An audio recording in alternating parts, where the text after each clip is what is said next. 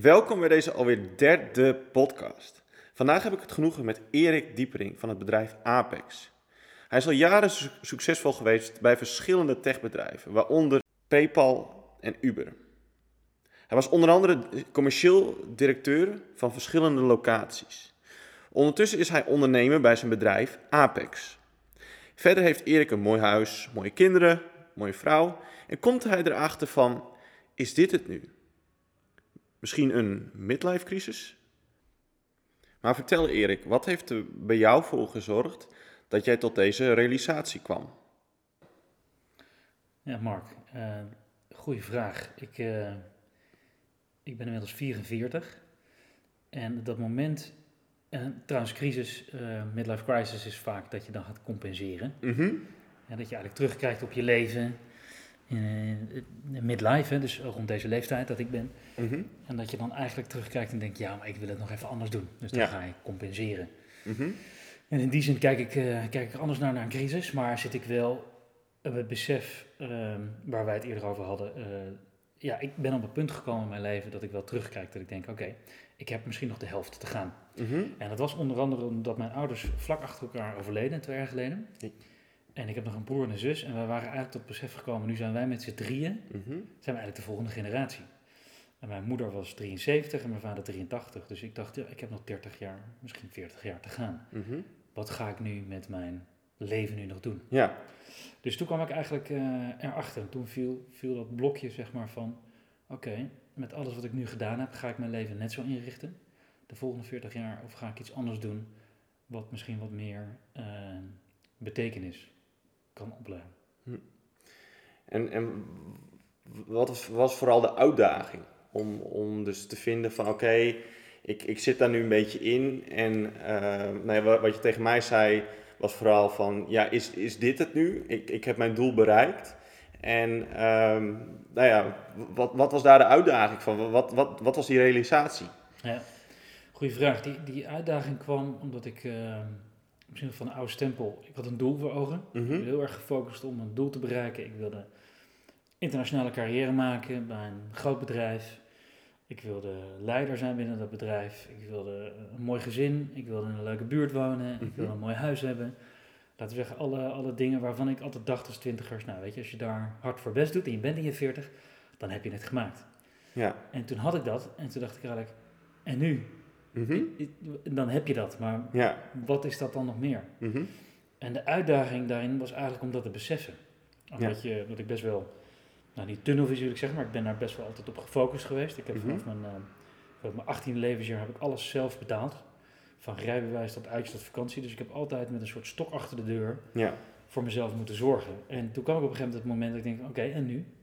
Wil ik dan een nog groter huis?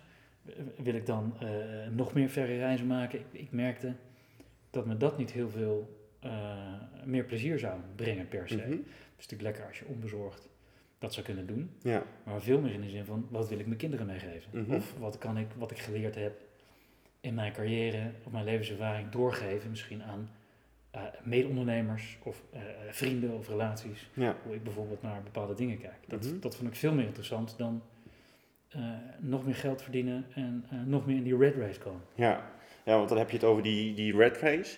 En um, waar ik het vorige maand over heb gehad met Yildau, was vooral de prestatiedruk. Dus de, de, we moeten presteren, we moeten die duurdere auto, we moeten dat duurdere huis. Dus daar herken je eigenlijk wel in, na die jaren, dat je daar, daarin mee bent gegaan. Absoluut, groot ja. ego. Ik dacht dat dat, uh, dat dat belangrijk was, ook in mijn uh, vriendengroep. En eerst, ik was denk ik 22, 23, was toen ik mijn eerste leaseauto kreeg. En de leaseauto was echt wel het statussymbool. Dus het was dus met de eerste ja. afspraak maken met iedereen. Zeggen, welke leaseauto rij jij? En hoe groter en hoe dikker en hoe meer opties, hoe belangrijker dat was. Ja. En waar komt dat denk je vandaan? Dat, dat we die, die prestatiedruk uh, hebben? Nou, ik denk deels natuurlijk vanuit je omgeving. Dus hoe je opgevoed bent. Ik denk dat je ouders wel van invloed zijn. En mijn ouders waren niet zo. Wel dat je moet je best doen. Dus ik denk één ding, uh, je, je omgeving van je ouders, uh, je familie, je vrienden. Maar ook gewoon een stukje maatschappij zoals we kunnen kijken. Waar, uh, mm -hmm. Op school moet je een voldoende halen. Ja. Je moet, uh, je moet altijd je best doen. Je mag geen fouten maken. Nee. En dat is gewoon eigenlijk wat, jij, wat je als patroon leert en wat je meekrijgt. Mm -hmm. Eh, los daarvan ben ik ook in commerciële bedrijven, uh, rete commerciële bedrijven terechtgekomen, waar gewoon bottom line geldt, je moet resultaten behalen. Ja. En dan heb je het over shareholder value, uh, dan pas klantenvalue en dan pas employee value. Dus Mhm. dat is altijd belangrijk, dat je gewoon zwarte cijfers draait, dus positief draait. Goh. En dan alles wat alles, koste wat het kost, moet je daarvoor zorgen. Ja. En alle andere dingen waren soft en waren geitenharenbol sokken en alternatief. En Mhm. dat was eigenlijk binnen waar ik vandaan kom, eh, als studie en zo, was het eigenlijk een soort van de alternatievelingen. Ja, dat, dat, ja. Niet dat ik daarop neerkijk, maar dat kwam gewoon niet voor in mijn alfabet of zo. Daar keek ik gewoon op een andere manier naar. En kijk je daar nu nog steeds naar dezelfde manier naar, of is dat ook veranderd? Nee, dat, dat is wel veranderd. Ja, Ja. absoluut. Ja. Goh. En die, eh, wat, wat werd er dan met die mensen gedaan die er wel anders naar keken? Want je moest natuurlijk heel erg presteren in je bedrijf. Maar stel dat er dan mensen waren die dat minder deden of dat minder zagen. Werd daar ook iets mee gedaan? Moesten die ook weg? Of werden die op een andere plek gezet? Of, Nou, ik denk wel in het selectieproces dat die er niet doorheen kwamen. hm, Dat, dat werd al vrij snel uitgekristalliseerd. ja, dus het is uh, met name in die uh, Amerikaanse techbedrijven waar ik gezeten heb, was het heel erg op, je moet heel erg analytisch zijn. Dus Mhm. dat is heel erg goed. Je moet heel, heel goed kunnen rekenen en heel goed kunnen verkopen ook eigenlijk. En als je het hebt over andere visie of duurzamer of meer met de medemens of met je medewerker, dat was minder belangrijk. Hm.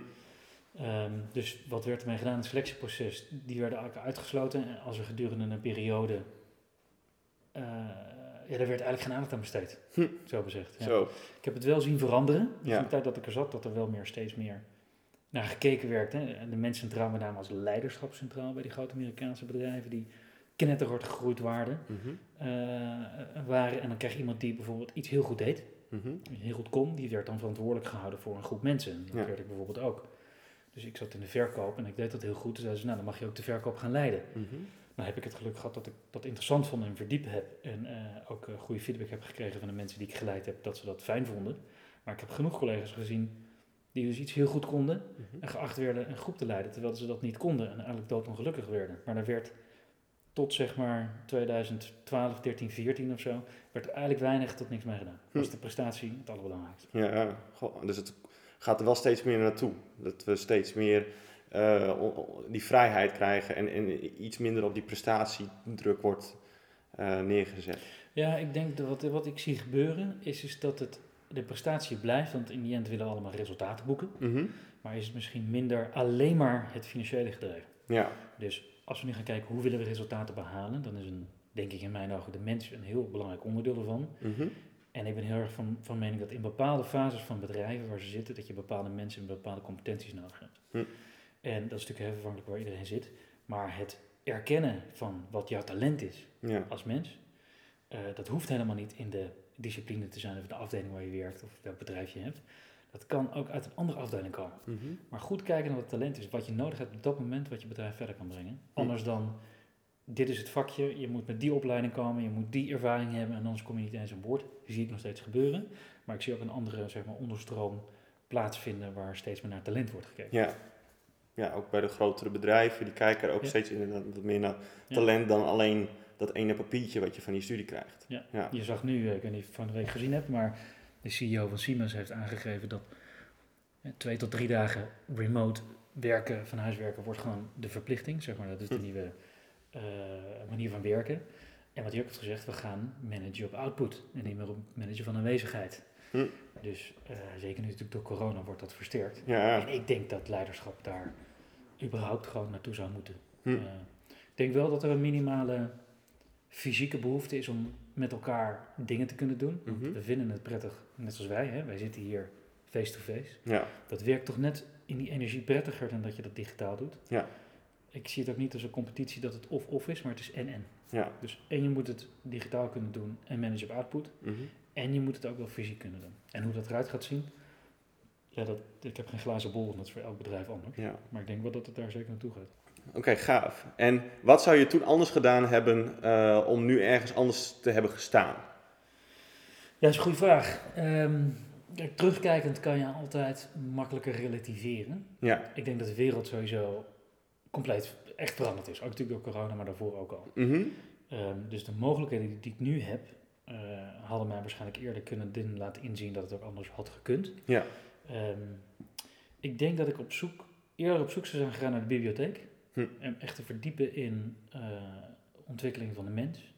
Het meer bewust worden. Mhm. En ik denk waar ik de laatste tijd ook mee bezig ben, is heel erg, wat, hè, weet je, wat is je doel, wat is je purpose? Ja. Ehm, en eh, daar zou ik meer, niet alleen de bibliotheek, maar ook mensen, denk ik, die al twintig jaar verder waren, eigenlijk wat jij nu doet met mij, om het zo Mhm. te zeggen, opzoeken en die interviewen. Ja. Daarvan leren. Ja. En, eh, maar goed, dat werd mij niet geleerd. Dat stond niet in mijn boekje op school of eh support eromheen. En nee, het was altijd die prestatie waar ik natuurlijk eh, Mhm. op afgerekend werd of waar je mee, eh, eh, ja, waar je op beloond werd. Hm. Dus dat zou ik anders gedaan hebben. Ehm, ja, ik denk dat ik de bibliotheek en, en mensen eh, had ik natuurlijk ook kunnen doen toen, maar ik, ik zat gewoon toen helemaal niet in die mindset. Nee, nee dat, dat werd ook niet. Dat wordt ook nergens verteld. Dat wordt ook niet op school verteld. Je Nee. moet het zelf ontdekken. En inderdaad, en we hebben het er nu over. Dus, dus de luisteraars die, die, die kunnen er natuurlijk daar ook wat meer mee gaan doen. Ja. Dus dat is wel heel gaaf. En ken je dan ook mensen in je omgeving die dit nu ook hebben, die nu ook op, op datzelfde punt zitten als waar jij nu zit, of ook die omslag maken? Ja, eigenlijk best wel veel. Misschien is het wel omdat we allemaal van dezelfde leeftijd zijn en, en dezelfde achtergrond. Dus met name vanuit mijn studie en vanuit mijn vriendengroep zie je wel de bewustwording. En ik denk, is is even mijn perspectief. Ik denk een van de dingen is, doordat mijn kinderen eh, werden geboren, dat, dat verandert je gewoon als mens. Ja. Eh, die verantwoordelijkheid die je krijgt. Dus je gaat nadenken, wat laat ik ze achter eh, en wat is voor hen belangrijk, wat voor zorg heb je. Mhm. En eigenlijk kan ik wel zeggen dat iedereen in mijn, mijn vriendenkring, met name de mannen zijn dat, zich steeds bewuster zijn van oké, wat ga ik hierna nou doen? Ik zie wel dat een aantal gevangen zijn in hun kooi. Dus die hebben een goede baan. En het risico om daar uit te stappen Mhm. en zeg maar alles wat in die gouden kooi zit anders te doen, Ja, dat is nog wel een grote stap. Maar ze zijn wel steeds bewuster van, is, is dit nou wat ik wil doen nog voor de rest van mijn leven? Mhm. Of wil ik toch iets anders kunnen doen? En Ja. Het hoeft dan niet misschien meteen te zijn de wereld te verbeteren of Mhm. met CO2-neutraal of zo. Maar bijvoorbeeld een aantal dingen is dat er veel, meer, veel minder vlees gegeten wordt. Ja. Dat er duurzaam gereden wordt. Dus er wordt echt wel gekeken naar, weet je, die dure leaseauto waar wij vroeger allemaal de 3 liter diesel of whatever, dat is allemaal niet meer belangrijk. Nee, Mhm. de, de Tesla's of de nieuwe elektrisch is veel cooler eigenlijk, zodat je ook nog een beetje bijdraagt aan een beter milieu. Mhm. En ik heb ook het idee dat het niet echt meer een taboe is. Nee. Wat ik ook zie, is eh, eh, dat er wat meer. Ja, ik, ik zit nu ook in een groep en dat weet je ook. eh, openstaan voor meditatie, meer in het leven van hier en nu, tot Mhm. jezelf komen in plaats van dat gehaaste mee bezig zijn. Ja. Waar ook vroeger wel een, best wel een taboe op zat, hè, in Mhm. die wereld van nou, mediteren, dat is allemaal dat zweverige. Mhm. Ehm, maar als ik dat vertel tegen mensen, dan krijg ik toch wel. Ik, ik heb zelf nog wel weerstand om dat te vertellen. Ja. Ik ben bang voor de reactie. Dat mensen denken, oh, een zweverige eh, eh, gast is dat. Ja. Maar de laatste tijd vertel ik het tegen mensen en dan hoor ik, oh ja, maar daar ben ik ook wel geïnteresseerd in. Of dat doe ik ook wel. Ja. Dat besef dat, dat we meer met onszelf afvragen van waarom ben ik hier, Mhm. dat dat eigenlijk weer resoneert. Ja. Ja, je steeds meer mensen die, die hebben die vraag toch wel. En, en die zien ook steeds meer dat, dat, eh, dat constant hun hele leven lang werken, dat dat ook, ja, dat, het, het nut wat minder van inzien uiteindelijk. En het, het blijft altijd toch nog wel. En, en we zitten inderdaad ook hier in, in, in Nederland in een, in een eh, handelsland waar dat natuurlijk ook veel, veel eh, voorkomt. Maar je ziet ook wel heel veel dat, dat mensen steeds meer dat, dat omslagpunt gaan krijgen. Dus dat is wel heel mooi om te zien. Ja. En heb je dan ook een advies voor, voor de luisteraar? Wat zou bijvoorbeeld een goede stap zijn om de doelen die je voor jezelf hebt gesteld ook daadwerkelijk te gaan behalen? Ja, goede vraag. Ik denk, ik denk sowieso dat het een reis is voor iemand. Dus ik zou de mensen willen, de luisteraars willen adviseren om niet te bedenken van, nou weet je, ik ga er nu een week over nadenken en dan weet ik het. Want Mhm. het, is, het is gewoon een reis. En iedereen weet gedurende, laten we zeggen gemiddeld over acht jaar, door omstandigheden verandert jouw leven en kijk je naar andere, eh, heb, krijg je een andere kijk op het leven. Dus zie het allereerst altijd als een reis. Mhm. En dan de dieperliggende vraag denk ik is, die je kan vragen, waarom doe ik de dingen die ik doe? Ja. Waar, wat drijft mij? Wat motiveert mij intrinsiek eh, om eh, elke dag uit bed te komen? Mhm. En wat mij heeft geholpen is twee vragen die ik mezelf heb gesteld. Van stel nou dat ik 1 miljard euro heb. Mhm. En wat, wat zou ik dan willen doen? Ja. Ehm, dan, hè, dan, dan denk je vanuit een, een, een alles is mogelijk manier. Hè? Mhm. Think like a millionaire. En but also live like a millionaire, om het zo maar te zeggen. Ja. Maar ook als ik dan helemaal geen rode cent heb. Wat zou ik dan het liefste willen doen? Ja. En kan ik dan tot dezelfde conclusie komen of verschillen die? Nou, als er verschillen, dan is er nog een goede vraag om te stellen van waarom verschilt dat dan? Mhm. Eh, als je tot dezelfde conclusie komt, dan ben je op weg naar het pad, denk ik, om te vinden wat dieper jouw waarom is en waarom je dat wil doen. Mhm. En dat ik zeg, dat is echt een reis hoor. Dat is Ja. niet iets wat je nu doet en, en volgende week weet ik het. Nee. Eh, en omring je met mensen die eh, misschien die reis hebben gemaakt. En stel die Mhm. vragen. En, eh, lees erover, verdiep je erover. En dat hoeft ook niet voor iedereen hetzelfde te zijn. Maar ik denk die vraag van waarom doe je wat je doet? Wat is jouw missie hier? Wat doe je? Dan blijf je veel dichter bij jezelf. Mhm. En hopelijk kan je dan ook je talenten gebruiken om dat te kunnen doen. Ja. Los daarvan is het natuurlijk ook wel gewoon op een gegeven moment deze wereld bestaat ook uit gaan werken. Dat betekent wel dat er, wat ik zei, er moet wel resultaat geboekt worden. Mhm. Zeker als je een gezin hebt die je moet onderhouden. Eh, probeer je waarom te zoeken. Waarom Mhm. doe je het? En dat is wat je net eerder aangaf. Dat wordt ons niet geleerd op school. Nee. Om de waarom-vraag te stellen. Mhm. Je moet heel veel kunnen, hoe en wat. Maar de waarom je dingen doet, Ja. dat helpt je. En er zijn, er zijn boeken over geschreven, er zijn tools voor, er zijn mensen voor die, eh, die je daarbij kunnen helpen. Want het is niet een makkelijke vraag om te beantwoorden. En het is volgens mij ook een vraag die je leven lang bij je blijft. Ja, leuk dat je het daar inderdaad over hebt. Want dat is ook een van de vragen die, die uiteindelijk in de Mark Life Program eh, stelt. Om dus eh, je passie te vinden, een purpose, ehm, dus net hoe je het wilt zeggen. En ehm, dat is gewoon een heel, hele belangrijke vraag. En je ziet ook dat deze vraag steeds vaker gesteld wordt. Ehm, maar voordat je deze, deze vraag kon stellen, tenminste to- voordat ik deze vraag zelf kon stellen, merkte ik dat ik eerst nog andere vragen had en andere angsten en andere emoties die ik eerst weg moest hebben voordat ik deze vragen op een normale manier aan mezelf kon stellen. Ik denk dat het een hele belangrijke vraag is, want dat wordt ons niet geleerd. Nee. Van waarom doe je de dingen die je doet? Waarom sta je elke ochtend op om je bedrijf te runnen? Waarom ga je... Waarom doe je wat je doet? Mhm. Iedereen weet wat en de hoe, maar de waarom, Niemand. wat motiveert je nou? Ja. En dat is, dat is verschillende fases. Dus het is ook niet dat je dat nu weet, maar als je die vraag nu al begint te stellen van waarom doe ik dat? Nou, omdat ik eh, graag een hele goede eh, vader wil zijn, een hele goede Mhm. vriend wil zijn, een hele goede broer wil zijn. Hè? Omdat ik een hele goede eh, ondernemer wil zijn, omdat ik een hele goede eh, specialist in whatever dat je doet wil zijn, omdat ik daarmee de impact op iemand anders mans leven vergroot. Mhm. Dat is een dieper liggende vraag Ja. die je dan hopelijk helpt om te worden die je wil zijn. Mhm. Zo persoonlijk en zakelijk. Ja. Gaaf. En wat wil je nu gaan doen met je nieuwe bedrijf? Want je hebt dus, eh, zoals in ons vorige gesprek had, had je het over een nieuw bedrijf. Je bent er ook al mee begonnen, maar je wilt het nu echt naar de, naar de volgende stap brengen. Ja. Kan je daar wat meer over vertellen? Ja, ik, eh, wat ik dus veel heb gezien in mijn eigen ervaring, ehm, is dat ik, dat ik het best sle- slecht gesteld vond staan met eh, met name leiderschap in de wereld. Mhm. En dat is dan even mijn wereld, is mijn perspectief. En dat komt denk ik voort aan wat we het net over hebben gehad. Het was veel op resultaat Mhm. en eh, niet gekeken echt naar talenten. En wat ik zie is dat met name binnen MKB'ers, DGA's of CEO's een fantastisch idee hebben, mooi bedrijf uitbouwen en die worden op een gegeven moment omgevormd tot managers en verliezen hun waarom. Mhm. Eh, dus wat ik nu doe met mijn bedrijf is eh, eh, die DGA's en CEO's helpen aan een heel praktisch groei- en schaalmodel, inzicht te kunnen krijgen in wat ze als ondernemer weer kunnen doen om die ondernemer te zijn. Hm. Wel managers en operators in je bedrijf aan te nemen, Ja. maar weer te kunnen focussen op waarom ze deden wat ze deden. En dat is lastig voor sommige eh, DGA's of CEO's, die maken soms 80, 100, euro, 100 uur per dag. Ja. Daar ken ik mezelf ook in, want ik doe het wel zelf en dan gaat het sneller. Dus ik ging, Ja. ik, mijn, mijn woord is productiviteit. ja, Als ik maar meer doe, dan kom ik er wel. Mhm. En dat is eigenlijk gewoon heel dom, want meer doen levert je uiteindelijk niks op. Nee. Dus een van mijn eh, eh, motto's in mijn bedrijf is minder doen in minder tijd Mhm. gaat jou als ondernemer verder brengen. Ja. Als voorbeeld, toen ik voor Uber werkte, zat ik eh, eh, elke week in een vliegtuig, moest ik over de hele wereld. Mhm. Super gaaf om dat te zien. Ja.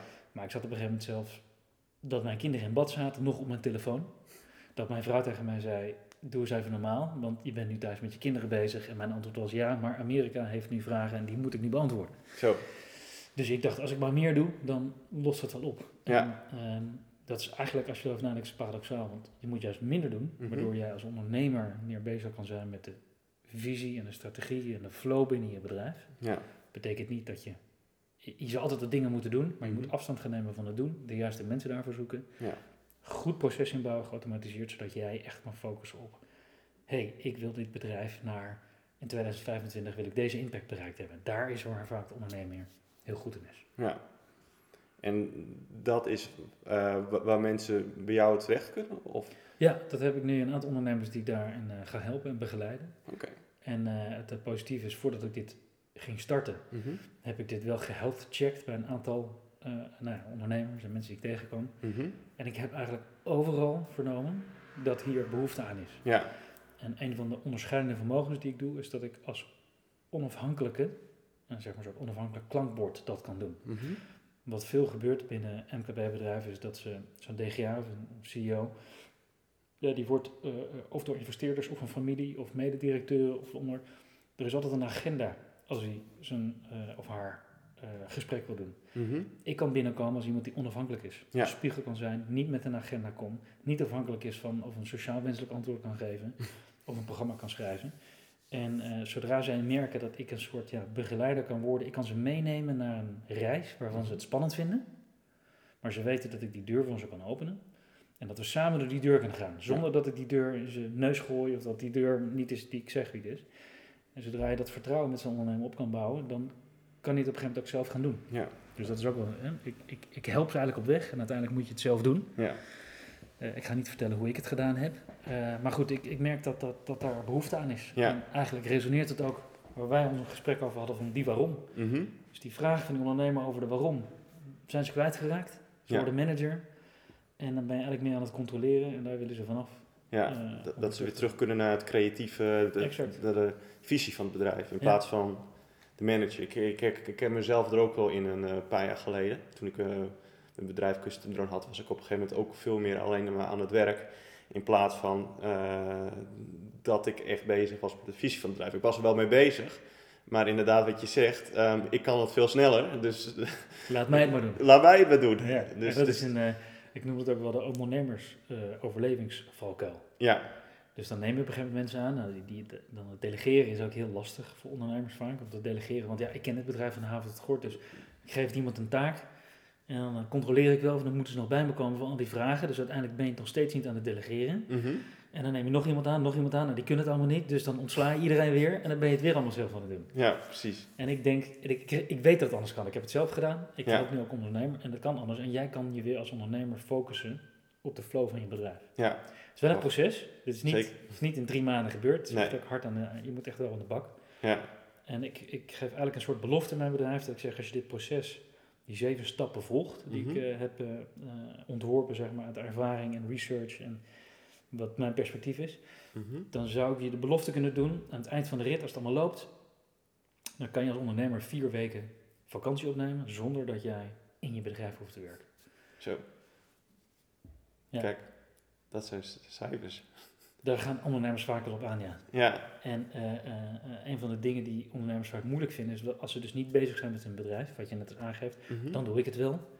Of het uit de handen durven geven, ja. hè, dat is het vaak. Eh, eh, ja, dan denken ze niet dat ze productief zijn. Mhm. Dus wat gaan ze doen? Ze gaan zich overal mee bemoeien. ja, Ze gaan dingen uit handen nemen. En eh, de grootste fout die je kan maken, denk ik als ondernemer of als leider, is om op vrijdagmiddag om twee uur, mhm. dan loopt jouw bedrijf als een tierenlier, noem ik dat. En dat je dan denkt, ja, maar ik ben niet onmisbaar, dus ik ga me ergens mee bemoeien. Dus Ja. ik ga zeggen tegen finance, er is een probleem, ik ga daarmee bemoeien. Of met product, jongens, ik heb daar wel verstand van. Maar inmiddels heb je zoveel mensen aangenomen in processen dat jij niet meer precies weet om het probleem op te lossen. Nee. Dus voor je het weet heb jij problemen gemaakt binnen je bedrijf wat je gecreëerd hebt. Dus probeer daar vanaf te blijven. Probeer Mhm. altijd wel voet, eh, vinger aan de pols te houden. Maar ga juist op die vrijdagmiddag om twee uur, ga nadenken erover. Oké, 2025 staat alles nog steeds op de rit. Heb ik de juiste mensen? Heb ik de juiste processen? Dus informeer jezelf wel aan de hand van een soort van dashboard dat het goed gaat. Mhm. Maar ga je absoluut niet meer bemoeien met de problemen die je niet meer op kan lossen. Gaaf. Super. Nou, dankjewel. Graag gedaan. Ik hoop dat je het een leuke podcast vond. Volgende maand praten we weer met een andere ondernemer. Deze ken ik al wat langer. En op een gegeven moment zag ik van hem een LinkedIn-bericht dat hij een stapje terug ging doen. Maar hier ga ik meer over vertellen in mijn volgende podcast. Tot snel.